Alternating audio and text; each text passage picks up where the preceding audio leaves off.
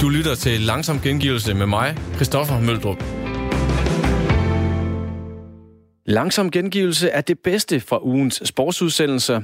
Det rå og ærlige fra portrætprogrammet Fremkaldt, fodbolddebatten i Fire på Foden, tendenser, råd og vejledning fra Alt den Sundhed, den gode undren fra Sportsmålstegn og højdepunktet fra Sportsugen med Claus Elgaard.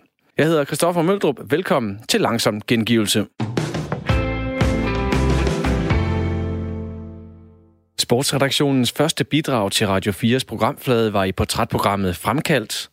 Her tager Claus Elgaard sit gamle Polaroid-kamera med ud og fremkalder et anderledes billede af en markant dansk sportsperson. Racerkøren Jan Magnussen har vundet Le Mans fire gange, og han er anerkendt som en af de allerbedste danske racerkører gennem tiden. Men bag skægstubene og den skaldede ise, der gemmer sig en sårbar mand, der stadig har svært ved at acceptere, at hans storebror valgte at begå selvmord. Du havde en storebror. Ja. Smeden. Ja. Kaldt. Ja. Øh, han døde. Ja. Og du har været fremme og på livslinjen og så videre og fortælle om øh, faktisk detaljeret omkring øh, detaljerne og så videre. Hvad skete der? Hvor fik du det at vide? Hvad, hvad skete der, Jan? Jamen, min storebror var i en, øh, i en, øh, en skilsmisse-situation og skulle øh, sælge gården og ja, sådan en rigtig livskrise. Øh, og så tog han øh, desværre den åndssvage beslutning og, og, og begå selvmord og skyde sig selv. Øh, jeg var mig og Chrisser og Luca var i, øh, var i USA på det tidspunkt hos, øh, hos nogle gode venner og holde øh, Thanksgiving, som er en kæmpe stor øh, helligdag i USA. Og midt om natten, så bliver jeg ringet op af med en anden storbror, som så fortæller, at det er gået, gået helt galt og smadrer skudt sig selv. Øh, det er selvfølgelig frygt, helt uvirkeligt frygteligt øh, at få at vide, og så sidde så langt væk og ikke kunne gøre noget, og alle de her spørgsmål, som bare håber sig op i hovedet på en. Hvor man... For, forstod du budskabet med det samme? Altså, han havde skudt sig, men, men forstod du, at han var død? Nej, det gjorde jeg ikke. Det var jeg også nødt til at spørge om. Øh, at, øh, for det ene ting er at skudt sig selv. altså, min, min forhåbning var, at han bare havde skudt sig selv i armen. men, øh, men, men sådan var det ikke. Øh, han, var, han var død, men det var også nødt til at spørge om. Øh, ja, så alt den her, der, der er jo så uforståeligt at, at kunne tage sådan en, en beslutning. Øh, han var også, øh, han havde en treårig søn, ikke? Og en toårig søn, en treårig søn. Øh, ja. Så, Du sagde noget, du har sagt noget, synes jeg, ualmindeligt meget smukt. Øhm, fordi du sagde nemlig, øh, hvis der kommer mange mennesker til ens begravelse, så ved man, at man har taget et forkert valg. ja. Hvad, hvad mente du med det? Jamen, det, jeg synes, det var så... Øh, altså, helt omkring i Roskilde blev fyldt op. Øh, og øh, det gav bare sådan for mig et klart billede af, jamen, det var sgu... Det, det var... Øh, det var så øh, for, for, en, en forkert beslutning, og hvis man bare havde ventet en dags tid, eller ringet til mig, eller eller andet, så var det ikke sket. Øh, men alle de mennesker her stod i kirken og, og sørgede med, øh, med familien selvfølgelig, og lille Miki, som var blevet, øh, som mistede sin far. Øh, og det gav bare så godt et billede af, at det var bare en tåbelig beslutning. Mm. Åndssvær beslutning af, i, ja, i, som man, sådan en, hvad hedder det, spur of the moment, uh, heat of the moment.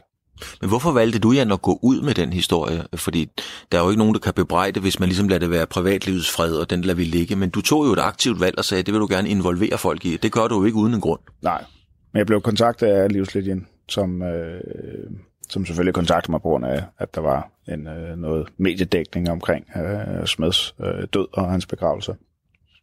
Og fordi jeg var et navn, øh, om de måtte bruge mig øh, til øh, og, og, øh, at få bu- det her budskab fra livslinjen med, at øh, øh, fordi der, øh, der er overvejende, det, det er overvejende mænd, der begår selvmord. Øh, øh, og det vil jeg gerne være med til at prøve at bringe budskabet ud, at der er et sted, du kan ringe til, og mm. øh, jeg tror desværre ikke, der er mere. Øh, men, øh, øh, men det vil jeg gerne. Jeg kunne godt se, at det var et kæmpe problem, at øh, jeg, jeg tror, jeg har sgu da også selv sådan lige en flyvsk tanke, haft, øh, det tror jeg langt de fleste har tænkt tanken, om det ikke bare nemmere, hvis ikke man er. Øh, du har, selv været, du har selv været der, kan man sige, ja, så du har været på vej ned i svinget? Slet ikke på samme øh, måde som, øh, jeg, jeg har aldrig været selvmordstroet. Okay. men, men, men tanken har der været der, øh, og fordi at den tanke har været der, så kan man godt tænke, der, der, der er åbenbart mange, der tænker tanken helt ud og gør noget ved det.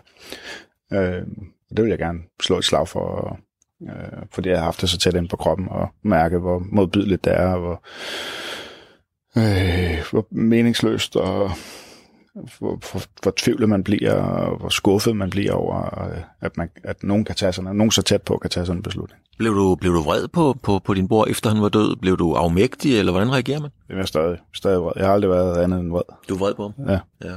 Aldrig nogensinde har jeg kunne acceptere, at det var, at det var løsning. Øh,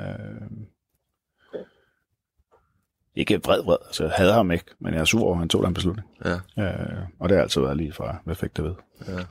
Det er jo en helt anden verden, end, øh, det er jo et helt andet billede af dig, Jan, end, end, end det vi jo har på nethinden øh, med, med hjelmen, øh, øjnene der lige gennem sprækken, asbestdragten ind i bilen ja. og ned i svinget osv. Ja. Det er jo en helt anden side af dig. Øhm.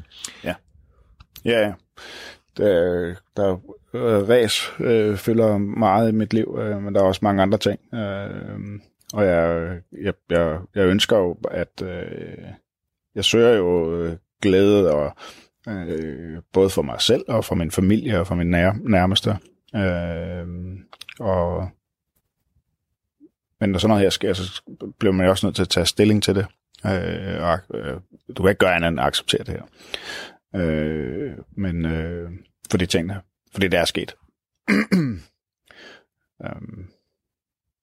du kommer ikke så meget ud på, øh, på kirkegården, hvis jeg har forstået det rigtigt, så har I nogle højtider, hvor du tager dig ud. Ja. Men du har ikke behov for at tage dig ud på torsdag? Nej. Hvorfor?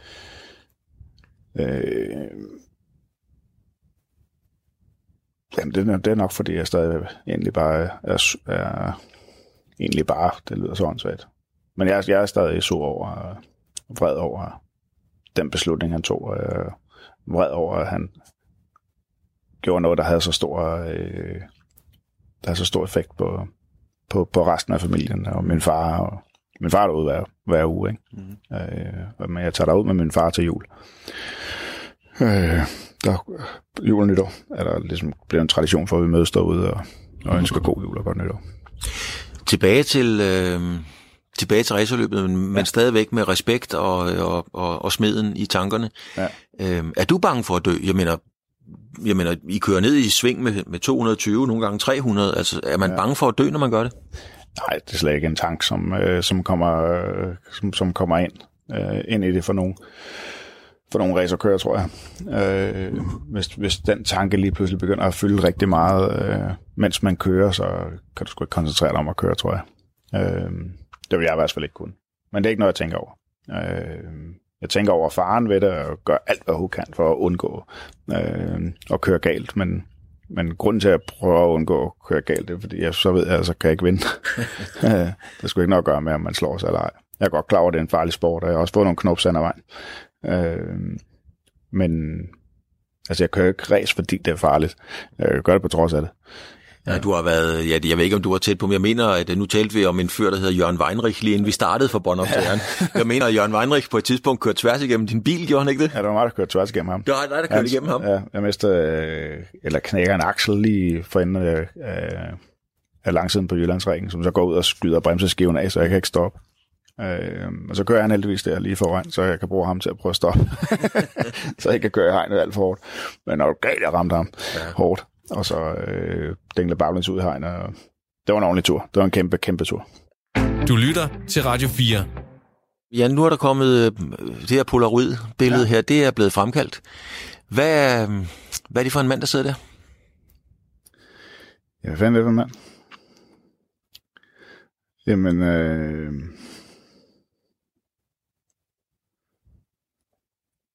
Ja, han går godt, man skal godt lige trænge til bag. Men, øh, jamen, spørgsmålet går lidt ud på at beskrive mig selv lige nu. Ja, altså du fysisk kan man sige, øh, du har ikke så meget hår. Øh, det, det er jo længe siden, det, du har haft det, det, kan man sige. siden, det forsvandt. øh, Jamen, det er en, en øh, stadig en glad, en glad dreng, som øh, langt om længe har forstået, fandt det ud på, tror jeg.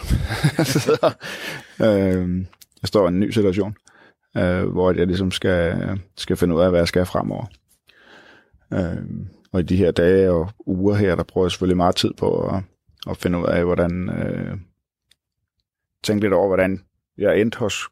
Hvordan jeg øh, var heldig nok, hvis man kan sige på den måde, at ende hos Corvette og, og have alle de gode år. Ja. Øh, Men hvis du kigger på, på dig sådan helt fysisk her, Jan, øh, vi, vi bliver jo ældre alle sammen, og jeg skulle snart heller ikke mere hårdt tilbage.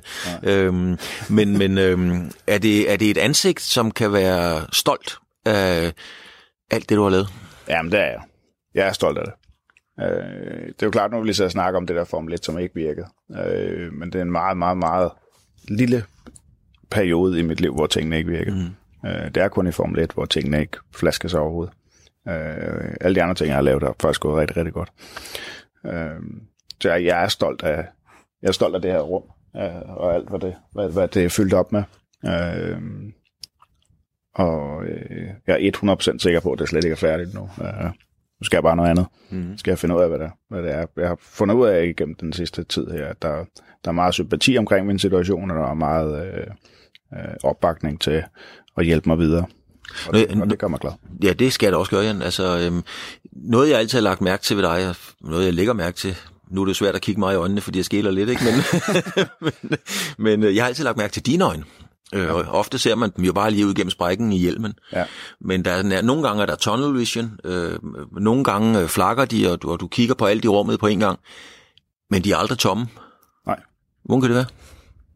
Det er fordi, jeg tror, at sådan generelt er, er jeg, øh, generelt er jeg glad. Mm. Det synes jeg. Det, hvis jeg skulle beskrive mig selv, mig selv så, så, er, så er jeg en glad dreng. Øh, jeg prøver selvfølgelig at, at hvis mine øjne de flakker i en situation, så er det fordi, der er et eller andet, der gør mig utilpas, eller noget, at jeg ikke føler mig i kontrol af en situation. Mm. Øh, og det, den, sådan kan jeg faktisk ikke lide at være. Jeg kan godt lide at, at, at have styr på tingene, men jeg behøver ikke at have fuldstændig styr på tingene. Jeg kan også godt lide at blive overrasket øh, og reagere på, på, på, på, på situationer.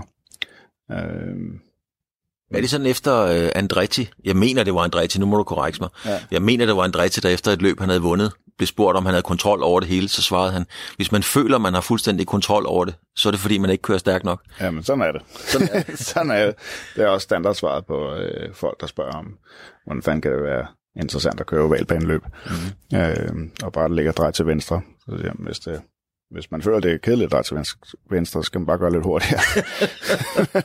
så, bliver det sjovt, så bliver det sjovt igen. Yeah. Øh, men ja, sådan er det. Det er jo, det er jo den der fine grænse, at øh, for, at, for at være den bedste, og for at få det meste ud af dagen, så er du nødt til at være på grænsen mm. hele tiden. Og så søger man jo... Øh, så søger man de her, hvilke ændringer kan du lave, hvad for nogle, hvad skal du op mod i dag, øh, og så prøve at, øh, og sætte sig selv i den bedste position.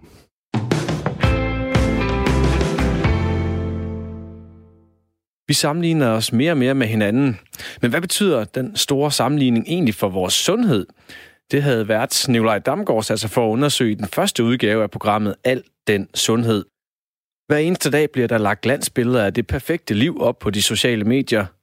Men hvilke nogle udfordringer giver de polerede billeder, og hvad er tankerne bag? Den debat to influencer Carla Mikkelborg og psykolog Rikke Papsø, der ser store udfordringer i den nye virkelighed på de sociale medier.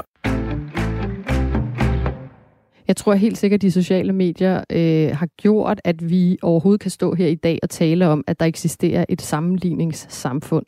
Fordi selvom vi mennesker jo er nogen, der altid sammen, har sammenlignet os med andre, fordi vi er sociale dyr, og derfor er vi altid optaget af at øh, vide, hvor langt er jeg i forhold til flokken, eller hvor langt er flokken i forhold til mig. Ja. Så er det her med at sammenligne sig bare eksploderet med de sociale medier. Og Carla, så vil jeg lige smide den over til dig. Hvad, hvad tænker du, når ja. vi sådan nævner sammenligningssamfundet? Er det noget, du er bevidst om? Ja, i høj grad. Altså, jeg slutter alle mine øh, YouTube-videoer af med at sige, at jeg elsker mig selv og giver slip i behovet for at sammenligne mig selv med andre. Og det siger jeg ikke, fordi at jeg rent faktisk altid gør det, men fordi at jeg er bevidst om, at det er mit ansvar at tage den her beslutning hver eneste dag. Og grunden til, at jeg også siger det i jeg-form, det er fordi, at jeg gerne vil have, at dem, som sidder og ser med, de siger, siger det med mig. Sådan at de får lavet den her affirmation, hver gang at de ser mine videoer. Og på den måde bliver... Man skaber jo sin virkelighed ud fra, hvad man siger og gør og tænker. Så det, jeg prøver ligesom at lære folk, prøv nu her. Det handler om at være glad for den, du er, og så stop med at sammenligne dig selv med andre, fordi de er unikke på deres måde, og du er det på din måde. Det lyder jo, øh, det lyder jo rigtig fint. Altså, når man sådan kigger på din øh, Instagram-konto, øh, eller øh, profil, så kan man jo godt sådan, tænker jeg i hvert fald, se, øh, at, at du lever et, et, et meget godt liv, og der er drøn på og sådan nogle ting. Er der nogen sammenhæng, hvor du sammenligner dig med andre? Altså, føler du det også på din egen krop? Ja, altså jeg kommer tit til at sammenligne mig selv, og det er også derfor, jeg, jeg beskæftiger mig så meget med emnet om, at det kunne være rigtig skønt at holde op med det. Og simpelthen bare være nærværende i det, jeg nu engang selv har gang i, og nyde det. Fordi hver gang, at jeg gør det, når jeg tager mine billeder og optager mine videoer, og er i en eller anden kreativ proces, så er jeg nærværende i det, jeg laver, og så glemmer jeg alt om, hvad andre har gang i, og så skaber jeg noget fedt. Og det er det, som jeg gerne bare vil gøre mere og mere, og også lære andre, at det er sådan set bare det, det, vi skal. Og vi skal ikke tro, at vi skal gøre det for, at der skal være nogle andre, der klapper af os i, anden, i den sidste, i sidste ende, som jo er det her øh, competitive, øh, ja, øh, hvad vi kalder det, samfund, vi lever i. Ja. Det er ikke derfor, man skal gøre det. Men man skal gøre det, fordi man nyder det selv og hygger sig med det. Vi har samlet et lille lydklip fra en af dine videoer, som jeg lige har lyst til at spille for vores øh, ja. lyttere. Øh, den mm. spiller lige her at den handler om en af de aller, aller vigtigste ting i det her liv, og det er, kan I gætte det? At elske sig selv, og give slip i behovet for at sammenligne sig selv med andre. Ja. Yeah. Ja, og det er jo, som du er inde på, at øh, du, du ligger jo faktisk rigtig meget vægt på det. Øh, ja. Sådan som jeg ser det, så skiller du det også lidt ud ved at gå imod det her sammenligning. Øh, gør du der nogle bestemte tanker, altså du var bare lidt inde på det, men gør du der sådan bestemte tanker omkring, hvad det er, du lægger op? Ja, altså jeg lægger de ting op, som begejstrer mig. Så jeg prøver ligesom at vise mit liv fra alle mulige forskellige vinkler og i alle mulige situationer, sådan at folk kan se, øh, øh hvordan jeg lever, og så kan de lade sig inspirere. Og der ved jeg jo selvfølgelig godt, at der er mange, der så kommer til at sammenligne sig og tænke, åh gud, jeg vil også gerne have det der, jeg vil også se sådan der ud. Og det kan jeg jo ikke gøre så meget ved. Fordi jeg må jo bare, altså jeg deler af, min intention om at inspirere og, og vise de ting, der gør mig glad. Og det er også derfor, at det handler rigtig meget om for mig at kommunikere det her budskab om, at vi bliver nødt til at, at vælge, hvordan vil vi se på verden? Vil vi se med kærlighed og lade os inspirere, eller vil vi tro, at det her er noget negativt, som jeg skal tage ilde op, og så skal jeg føle mig troet? Øh, altså se med frygt. Og der har man bare det valg, skal jeg se med kærlighed eller frygt? Og det er sådan set det, jeg så prøver også at kommunikere via de budskaber, jeg har bag mine billeder.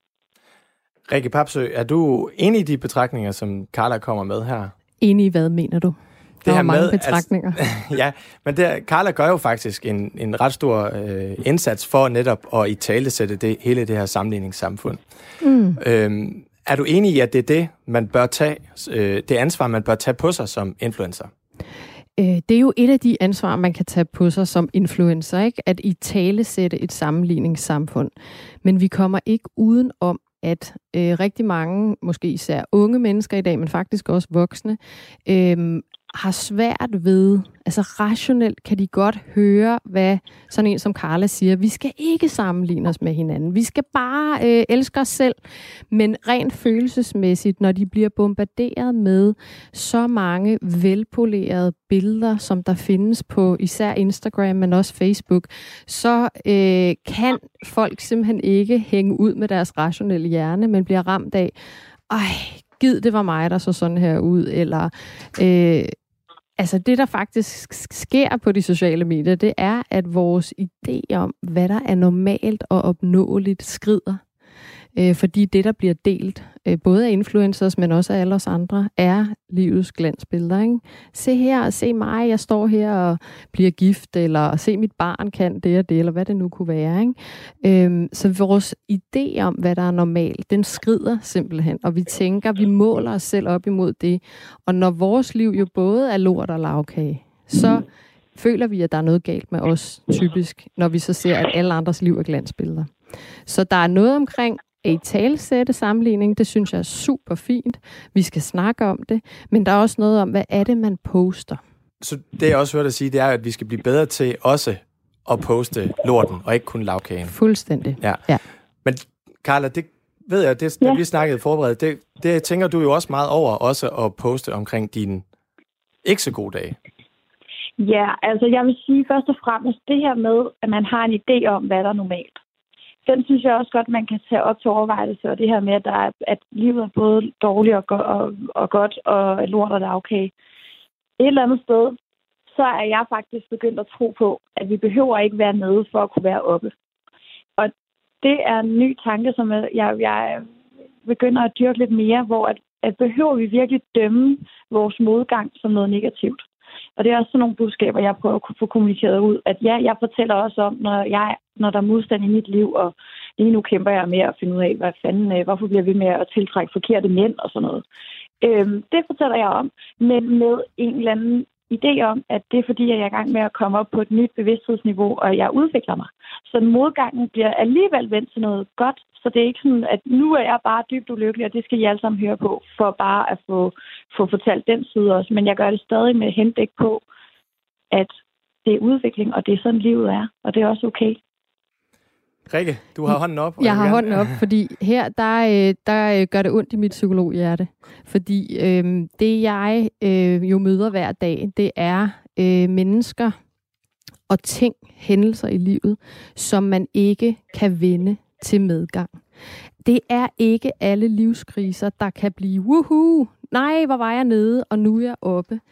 Øh, der er simpelthen nogle ting her i livet, nogle ting, der sker med os, betingelser, vi lever med dagligt, som øh, ikke er noget, man kan komme over og blive stærkere og større, men som er noget, man må komme omkring ved, og som måske bliver ved med at gøre ondt hele livet.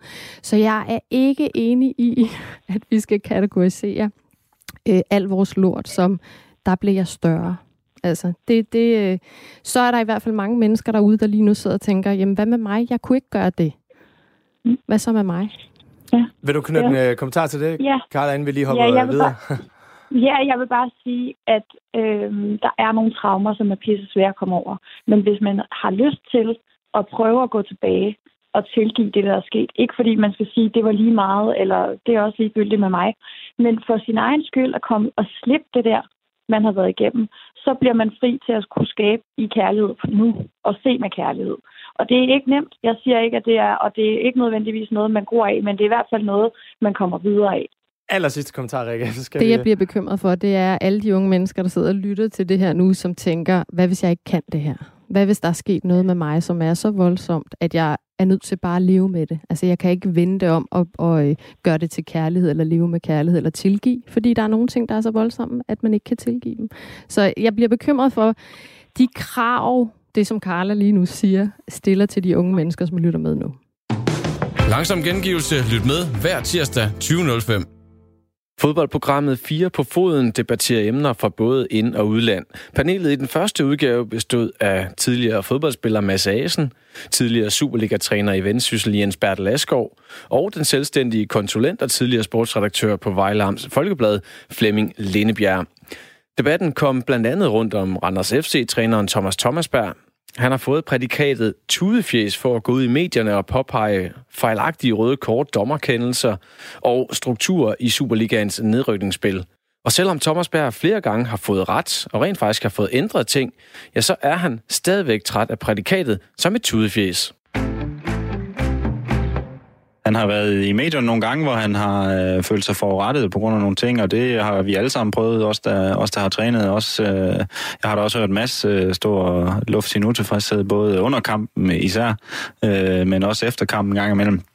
Og det, øh, det er en meget naturlig del øh, af det at være elitesportsudøver, øh, specielt i, i, i fodbold, hvor der er øh, mange tvivlsomme situationer. Og øh, man kan sige, det som, jeg, jeg tror, jeg tror det, det, det som, som Thomas Berg er blevet ramt lidt af, det er måske nogle situationer, som, øh, hvor, øh, hvor, hvor han er blevet, kan man sige, øh, gjort lidt til grin øh, i forhold til noget over for Ståle indimellem. Øh, nogle, nogle situationer, som hænger lidt ved, øh, og, så, øh, og så kan man hurtigt, øh, kan man sige, lægge nogle ting til. Jeg synes, øh, de ting, som han... Øh, som han ellers har påpeget i forhold til nogle, nogle karantæner, hvilket han jo ikke er den eneste kan, øh, kan man sige, træner, der har, der har fået, øh, fået ophævet en, øh, en karantæne på en af spillerne efterfølgende. Men også det, han påpegede omkring strukturen i sin tid, inden den blev ændret. Det var han jo heller ikke den eneste, som påpegede. Det var vi jo alle sammen enige om, at der var noget, der ikke var, som det skulle være. Jeg synes jo egentlig ikke, det har, har noget med at at, at være tudfæs at gøre øh, overhovedet. Øh, det, det er jo ganske almindelig øh, feedback, kritik af, af nogle ting, som man ikke synes er i orden. Øh, så øh, ja, jeg tror, det er nogle, jeg tror, det er nogle ting, som, som ligger lidt tilbage, og som så er blevet blusset lidt op, øh, som, som øh, kan man sige, knytter sig til, til det prædikat, han har fået der. Mads, du kender øh, Thomas Thomasberg også rigtig fint. Øh, går det ham mere på, end det vil gå på andre trænere, det her prædikat? Åh, oh, det ved jeg, det ved jeg faktisk ikke. Så mange andre trænere kender jeg ikke så indgående, men jeg tror da helt sikkert, det går ham på. Øh, jeg tror, Thomas har en rigtig, rigtig stor eller høj retfærdighedssans når han føler, at han bliver snydt, så, øh, så giver han gerne udtryk for det. Og øhm, som Jens er inde på, det synes jeg et eller andet sted kun er fair. Og så er han jo nok blevet, han blevet misforstået, det ved jeg ikke, men han er jo, han er jo meget ærlig i medierne. Han, øh, han pakker det jo ikke ind, øh, og det, kan jeg, det har jeg altid sat, sat stor pris på, når, når folk ikke gør det. Og hvis folk har, har behov for at kalde det til udfjæs, jamen, øh, så, så, så tror jeg faktisk, at han, han et eller andet sted lever fint med det. Øh, han gør rigtig, rigtig meget for at beskytte sig selv og, og klubben og spillerne og det er jo også det, han er ude i, når, når han, han prøver at få, få Erik fri af karantæne, hvilket jo han gjorde i Brøndby, ikke? og øh, så er hans mission lykkedes. Øh, så, så tror jeg godt, han lever med, med en lille prædikat som, som tog ud i fjæs. Øh, jeg så i dag, at, at i artiklen, hvor, hvor han, han siger, at han er lidt træt af det, øh, og så samtidig så kommer der en artikel øh, et kvarter efter, hvor han føler, at øh, dommerne er efter Kamara. Ikke? Det er sådan lidt øh, selvmodsigende, men igen, det er jo også taget ud af en kontekst, ikke? i forhold til, hvorfor han har taget Kamara ud af kampen med halvlejen. Ikke? Så, så er det det, der bliver skrevet, og mange gange er der jo mere til ligningen, og det skal man også have med i mente, når man, øh, når man står og kalder, eller jeg ved ikke, om han har gjort det, men når han får prædikatet til udfæs. Og vi har faktisk øh, snakket med ham selv, Thomas Thomasberg. Lad os lige prøve at høre, hvad, hvad han siger til hele det her prædikatssag. Ja, der er der også nogen, der har fået et, et lille forhold i med, at jeg også har været med en del år, at øh, så når jeg nu øh, et eller andet sted kommer med en eller anden kommentar eller en eller anden ytring om noget, så øh, tror jeg lidt, de har taget deres holdning inden, uden de måske rent faktisk læser lidt, hvad der er sket øh, i forhold til, til de situationer, vi nu, øh, vi nu snakker om. Fordi der har også været situationer, hvor jeg selvfølgelig kan se, at øh, dem har vi fået omstødt røde kort øh, og efterfølgende. Men som jeg siger, hvis jeg bygger ind i alt for meget af den her snak, så øh, kommer det jo til at lyde lidt som tuderi igen, og det, øh, det vil jeg i hvert fald passe på her det næste stykke tid, øh, at, at det ikke bliver sådan. Flemming, du smiler lidt. Øh, er det ikke skidt, at en træner, som jo har haft ret flere gange, lige pludselig øh, begynder at tage forbehold, fordi han ikke vil kalde sig til udfjæs? Nej, det tror jeg heller ikke, han gør. Det, det, det tror jeg sgu ikke. Han, øh, altså, Thomas, Thomas har jo været udsat for det, at øh, når han kommer med nogle øh, ting, øh, som han fremfører på den måde, han fremfører dem på, så bliver der skudt tilbage øh, med nogle øh, sager, som han øh, selv har gjort øh, den anden vej. Og altså, det er hele tiden den der øh, øh skudkrig, vi er ude i. Ikke? Og Thomas er, øh, jeg kender ham som en, øh, en meget, meget agerig fodboldtræner, som, øh, som øh, hader at tabe. Han er rigtig dårlig taber, ikke? Og det er man, når man spiller på det her niveau. Øh, men derfor skal man jo lytte til, hvad, hvad manden siger. Og jeg synes, det er fantastisk til, til underholdning, at vi får gang i det her. Og, øh, og der bliver snakkede så ærligt øh, efter kampen. Øh, det kan jeg godt lide. Og det, det skaber bare det skaber debat. Selv, øh, selv Ståle øh, synes, det er sjovt at være med i, ikke? Jo, men jeg synes, mm, han tager jo også opgør mod de store, ikke? Altså, nu var det Ståle, og nu var det to gange i Brøndby, ikke? Hvor, hvor der er meget taletid på, på mikrofonerne. Havde det været en kamp nede i Sønderjyske, så tror jeg ikke engang, det havde været, været nævnt i et opslag eller på en artikel, ikke? Og der, der må jeg jo bare sige, tage den af for Thomas. Han, han, han, han lægger sig ikke ned. Han, han, han, han siger sin mening og, og tager kampene, når de skal tages. Og, og det, det, altså, det er, jo, det er jo måden, man gør sig, gør sig selv interessant for, for en klub også. Øh, det, det er jo fedt at se, som, som, som Flemming siger, han er agerig. Thomas er en kæmpe stor vinder. Han er, han er faglig dygtig. Øhm, Og så er det jo klart, at hvis han føler, at der har været nogle kendelser undervejs, der har været med til at påvirke resultatet i en negativ retning, som kunne have have stor udfald, øh, eller stor, stor indvirkning på, på udfaldet af resultatet, jamen, så, så tror jeg også, jeg vil ytre mig måske lidt, lidt, lidt mere ærligt end, end de, de fleste andre, som er kommunikativt meget stærke. Øh, Glenn Ridersholm for eksempel er også rigtig, rigtig god i medierne, ikke? Men, men det lyder også for os andre, øh, hvis man ikke lytter ordentligt efter, som, som noget tøderi nogle gange. Ikke? Så det er jo også, hvad, hvordan man, man, man lige ser det. Øh, og det er klart, at vinderen har altid ret, og når man, når man slår større brød op mod, mod Brøndby og FCK, jamen, så er det så er det sjældent, man får ret den vej i hvert fald.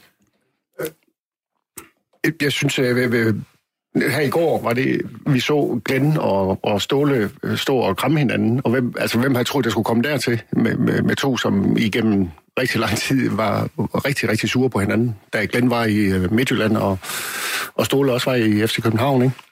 Så jeg, altså, jeg, jeg Thomas gør jo ikke det her for at skabe gang i gaden. Han gør det, fordi at han mener, at han er blevet snydt. Han mener, at Randers FC er blevet snydt, og derfor skal han have lov til at føre det frem.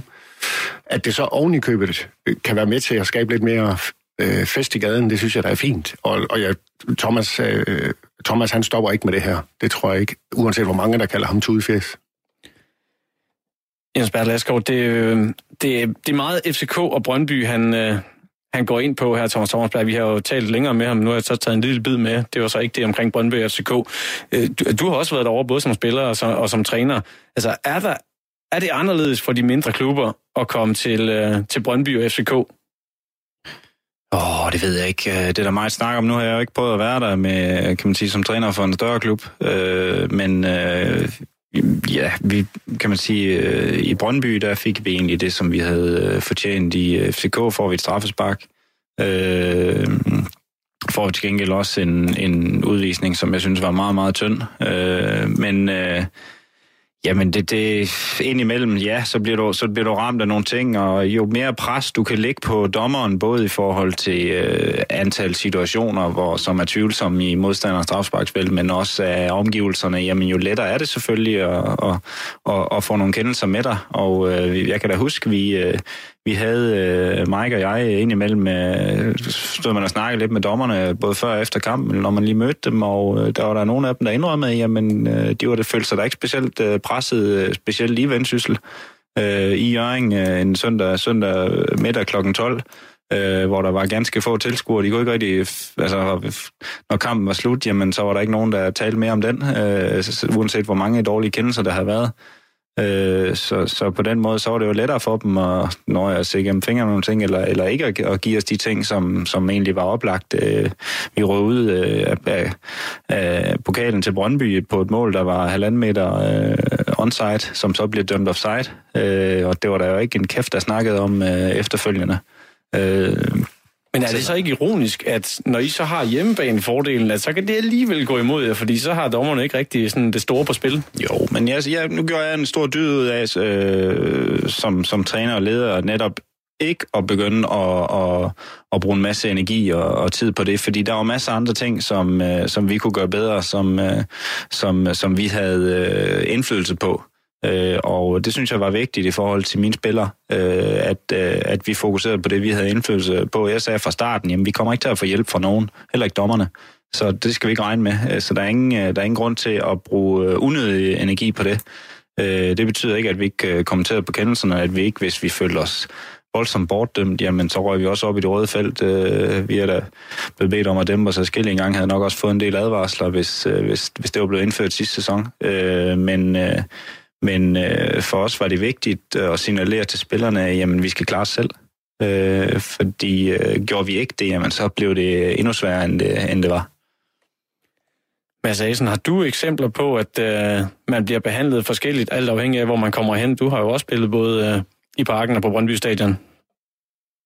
Nej, ikke, ikke som sådan. Jo, ja, der var faktisk, øh, da Delaney han næsten spiller, spiller afskedskamp, inden han tager til Dortmund, der var vi et kort øjeblik i tvivl om, om han havde enten fået en fløjt af dommeren, eller han havde haft en med hjemmefra, fordi det var simpelthen ham, der, der løber dømt den kamp. Øh, men vi var så magtesløse, at det ikke havde nogen øh, indvirkning på resultatet.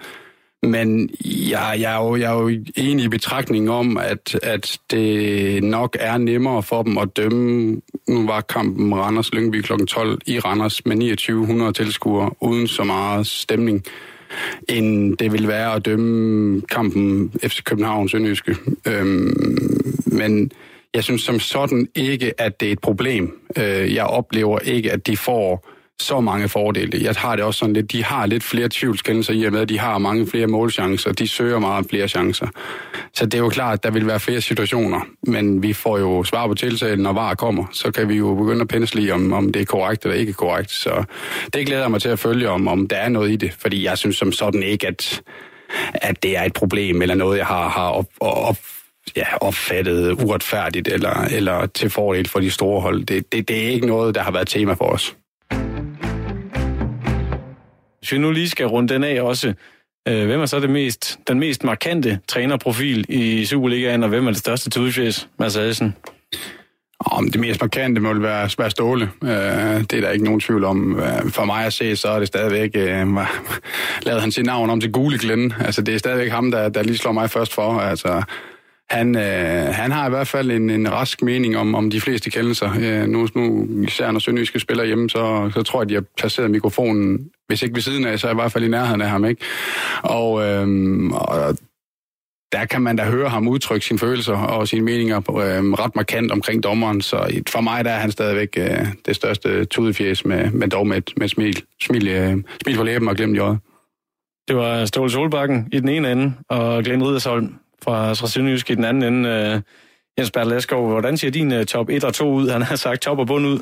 Ah, det ved jeg ikke, hvad, hvad jeg skal sige til. Jeg, vil, jeg, vil, altså, jeg, synes, der er, jeg synes, der er mange øh, trænere, som profilerer sig på hver deres måde. Øh, og øh, hvem der er den største profil, jamen det kommer an på, hvordan du anskuer det. Øh, jeg har hørt øh, jeg har hørt rigtig mange af dem brokse over ting, som, som jeg synes var lidt øh, øh, unødvendige, og som jeg ikke var helt enig i, at de skulle brokse over. Øh, jeg har da helt sikkert også selv øh, en gang imellem ramt forkert øh, i forhold til de, øh, de ting, som jeg påpegede over for, over for fjerdommeren efter, efter cirka 40 sekunder. Øh, og øh, det, jeg, jeg, jeg, kan sige, jeg, øh, jeg, jeg, jeg har en sjov øh, historie, da, da vi spiller hjemme øh, første gang mod Brøndby, øh, møder Alexander Sorniger. Jamen, øh, øh, der, der kan jeg jo godt mærke, hvor det er, jeg står henne øh, som træner, da han øh, efter kampen, hvor vi øh, har tabt 2-1, selvom vi havde dem rigtig meget på hælene, specielt i første halvleg. Der er nogle store chancer, som vi ikke får, øh, får scoret på, og så så desværre så taber vi 2-1 efter, efter en rigtig, rigtig fin præstation. Jamen, så går jeg hen for at sige tak for kampen, giver ham hånden.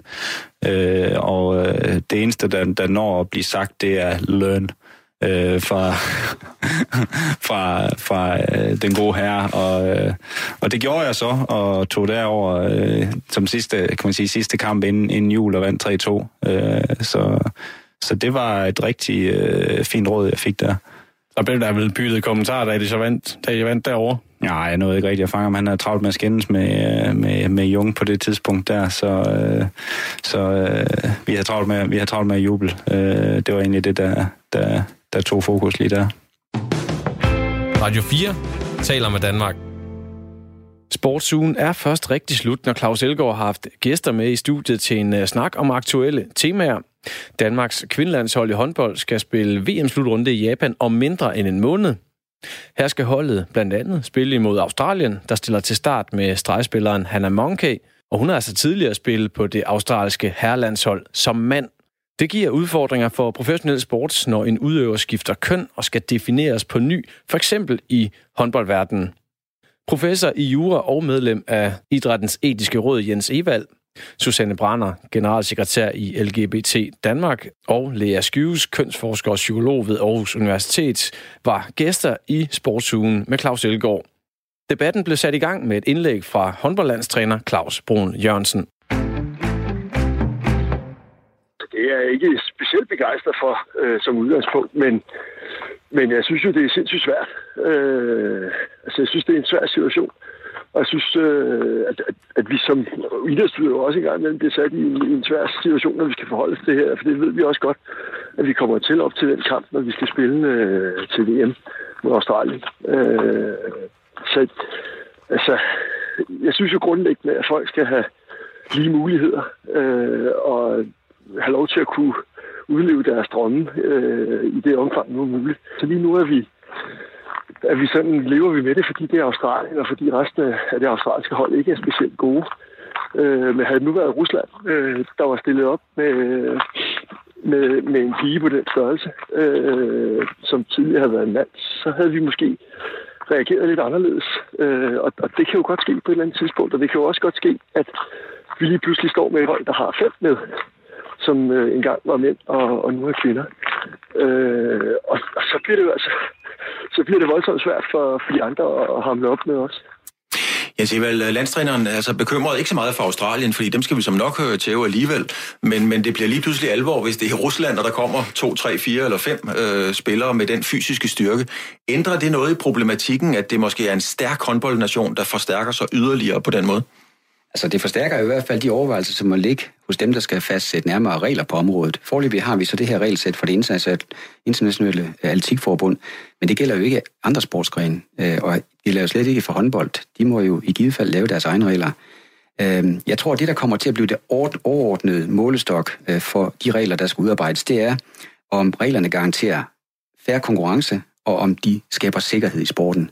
Og jeg kan sagtens se, at det både øh, kan skabe mulighed og øh, problemer med sikkerheden i sporten, hvis der er øh, meget stor forskel på øh, vægtklasser, når vi taler om, om håndbold.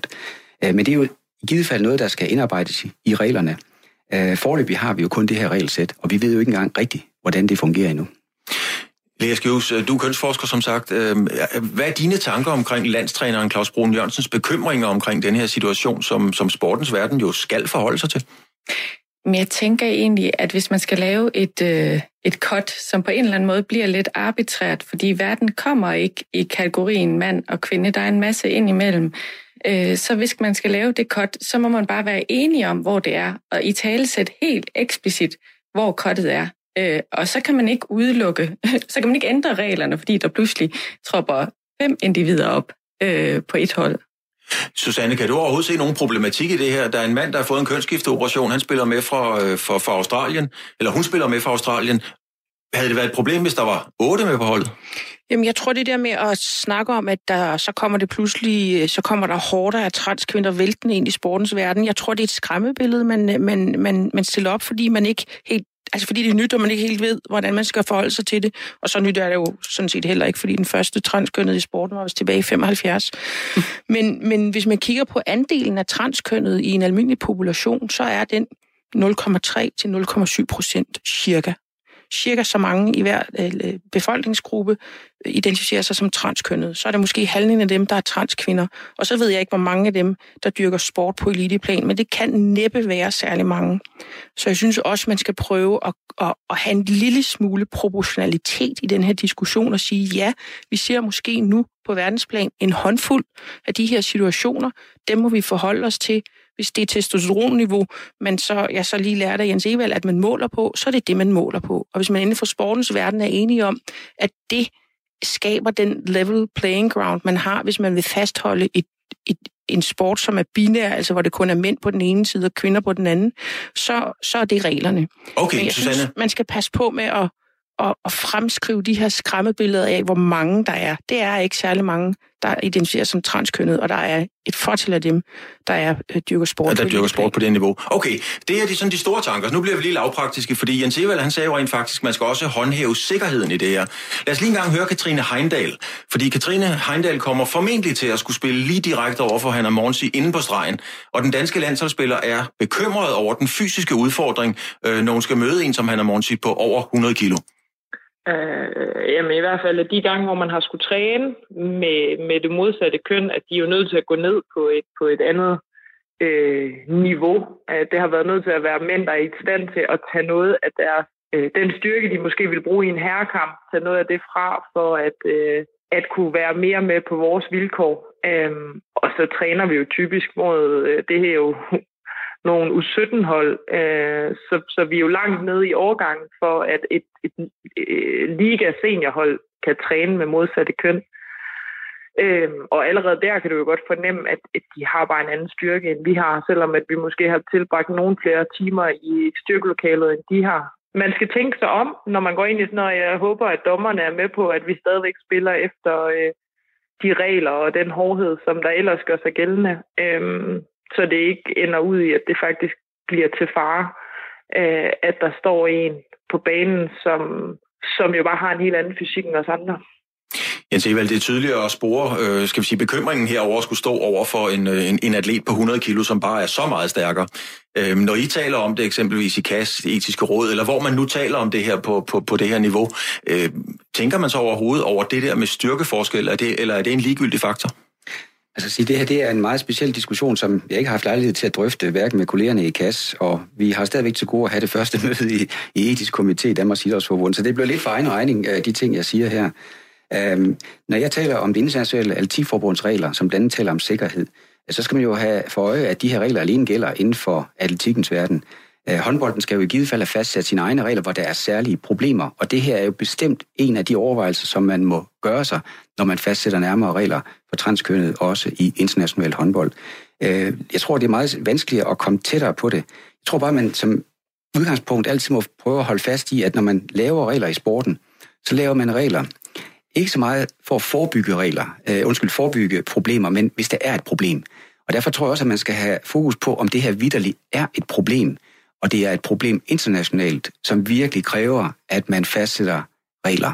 Susanne Brønder, er det noget, du tænker, der skal kalde på en, på en på et lovgivning? Altså, jeg mener, der er mænd, der er stærkere end mænd, og nu er der så en kvinde, der er stærkere end de andre kvinder. Øh, skal der lovgives for det, eller er det bare sådan, det er?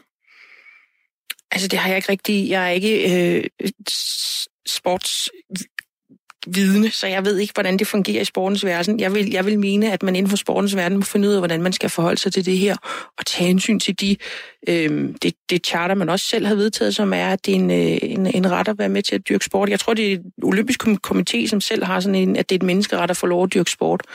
Så ja, det, det synes jeg, at at, at, at sportens verden må kigge på, og det er de jo også i gang med at forholde sig til på en måde, der giver mening øh, inden for den øh, arena, der det drejer sig om. Men, men jeg vil spørge, altså hvis man nu øh, er en meget stor kvinde fra fødslen af, kan man sige, er der så nogle regler for, om man ikke må deltage i for eksempel håndbold? Ja, det er jo et, øh, det er jo et konkret spørgsmål. Man kan lige sige, at vi har lige samlet op på det, du sagde, øh, Susanne, at det er en ret at dyrke sport, men jeg vil også lige sige, at det er vel ikke en ret, at man skal kunne vinde medaljer. Det er ikke noget, jeg har fundet på. Det er Aske Vest, der har sagt det.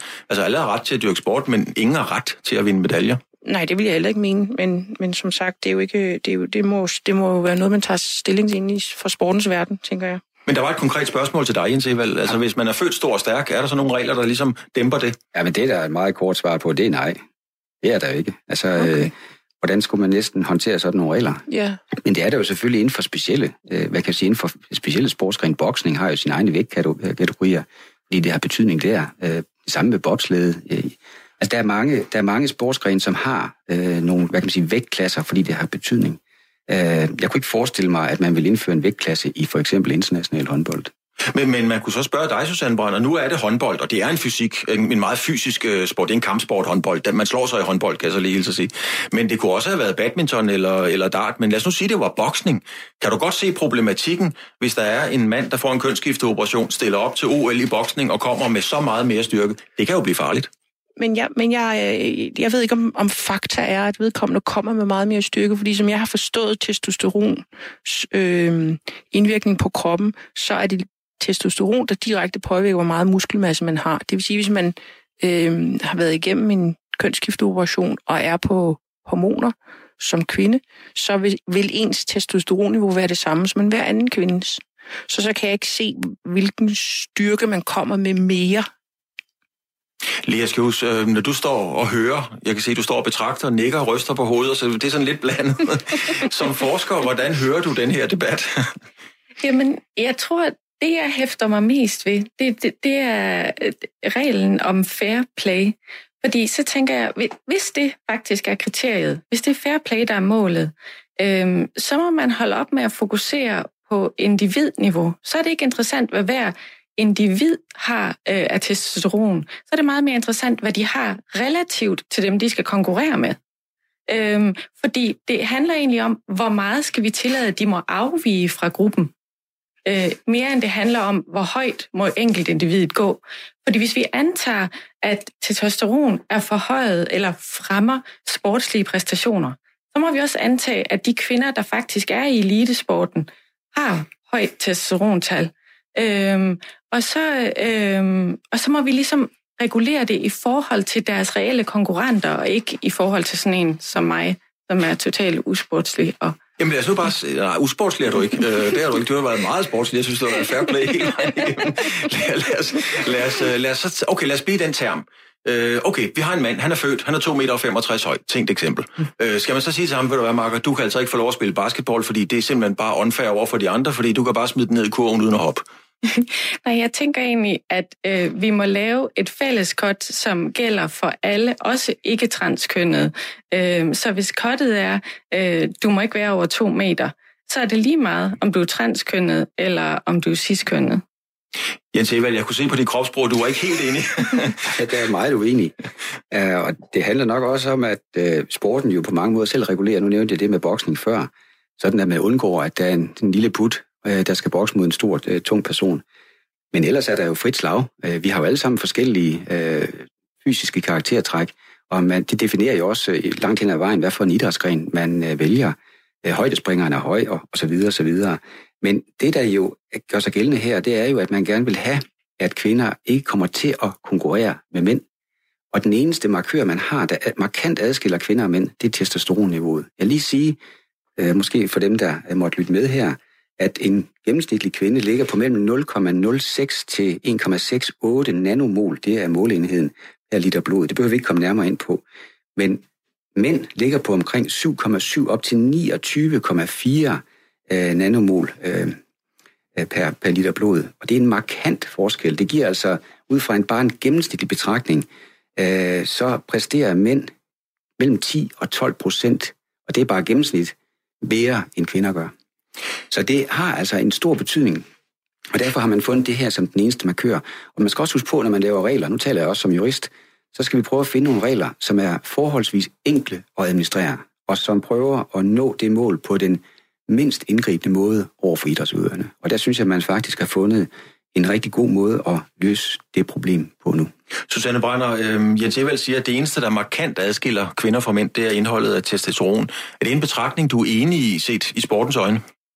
Nej, det, altså, synes jeg er lidt, lidt, det er faktisk lidt unfair spørgsmål, fordi for mig vil jeg sige, at det eneste, der, der adskiller mænd fra kvinder, det er, hvad man identificerer sig som. Så er jeg sådan set lidt for mig betyder testosteron jo ikke så meget. Altså for os er det jo sådan, hvis man identificerer sig som kvinde, så er man det. Og hvis man identificerer sig som mand, så er man det. Og hvis man gør det som non-binær, så er man det. Altså, så det er jo vores udgangspunkt. Det er jo, at det er ens egen identifikation, der afgør det. Men jeg er ikke helt sikker på, at Jens Evald er, er nødvendigvis enig med dig. Jamen, ja, ja, Nej, jeg vil også sige, når det gælder sportens verden, så synes jeg jo, det er fint, at man, at man der har, har, har fastsat nogle regler for, øh, niveauer, så kan man så stille spørgsmålstegn ved det sjove i, at øh, sporten er opdelt så binært, og dermed overser fuldstændig den variation, der er i det menneskelige øh, liv, altså interkønnet, transkønnet, øh, non-binære, den, den kan jo slet ikke rummes i, den, i de sportsgrene, hvor det kun er mænd og kvinder, men, men det er jo en anden debat, synes jeg. Men Jens, du havde en kommentar til det her? Jamen, nu, nu uh, tror jeg lige, at jeg mistede tråden, der var to ting i spil her. Altså, jeg vil sige, uh, selvfølgelig har sporten jo ikke på nuværende tidspunkt indsigt i de mange problematikker, der knytter sig til det problem her. Og det er jo det, der er på vej til at ske. Sporten er jo en meget, meget stor, det er en supertanker, der skal til at skifte retning, og det gør man ikke bare ved at fastsætte et vilkårligt regelsæt. Det, der er man nødt til at tage sig god tid for at få alle ting på plads, og så lave regler, der realiserer de mål, som man, man, man tilsigter at, at nå. Øh, men med hensyn til det med, med køn og hvem der øh, betragter sig som kvinde henholdsvis mand, øh, den er sporten jo sådan set gået fri af, fordi den netop har det objektive kriterie med testosteron. Så jeg synes jo godt, at de to øh, synspunkter, som sporten, eller på den ene side sporten repræsenterer, på den anden måde, som, som vores lytter for, eller undskyld, vores øh, person fra København øh, er med her, at de, de to ting kan sagtens øh, forenes. I, det mener jeg i hvert fald, når vi taler om den problematik, vi har. Lea Skudsen, når du hører på det her igen som forsker, øhm, og de to, øh, Susanne Brænder i København og, og Jens Evald her, er jo meget langt fra hinanden. Øhm, når du hører deres øh, dialog. Hvad tænker du så som forsker, der er langt hjem? Nej, ikke nødvendigvis. Jeg tænker bare, at det er rigtig godt, at de begge to i tale sætter, hvad de måler køn på. Fordi køn er ikke kun én ting. Øh, og så er det øh, rigtig godt eksplicit at kunne sige, okay, vi måler på testosteron, øh, og i LGBT Danmark, der kigger vi sådan set kun på kønsidentitet. Øh, og, og så har man meldt ærligt ud, hvad er det for nogle parametre, der betyder noget for os. Øhm, men i det, at vi kan snakke om, der er to forskellige parametre, og der er jo mange flere, øhm, så har vi også øh, ligesom afsløret, at, øh, at vores kategorier er for snævre. Øhm. Men vi kan jo blive Jeg ved det synes der... faktisk ikke, vi er så uenige. Altså, jeg synes bare, vi... Øh, altså, jeg, jeg kan jo sagtens se det fra den side, som er, jamen i sporten, der måler man så på testosteron, og så er der nogle regler, man må indordne sig, hvis man vil være en del af sportens verden. Det, det, jeg kan faktisk ikke rigtig helt se, hvor... Altså, at vi er langt fra hinanden. Jeg tænker mere bare, at vi taler ud fra nogle forskellige verdener. Langsom gengivelse. Lyt med hver tirsdag 20.05.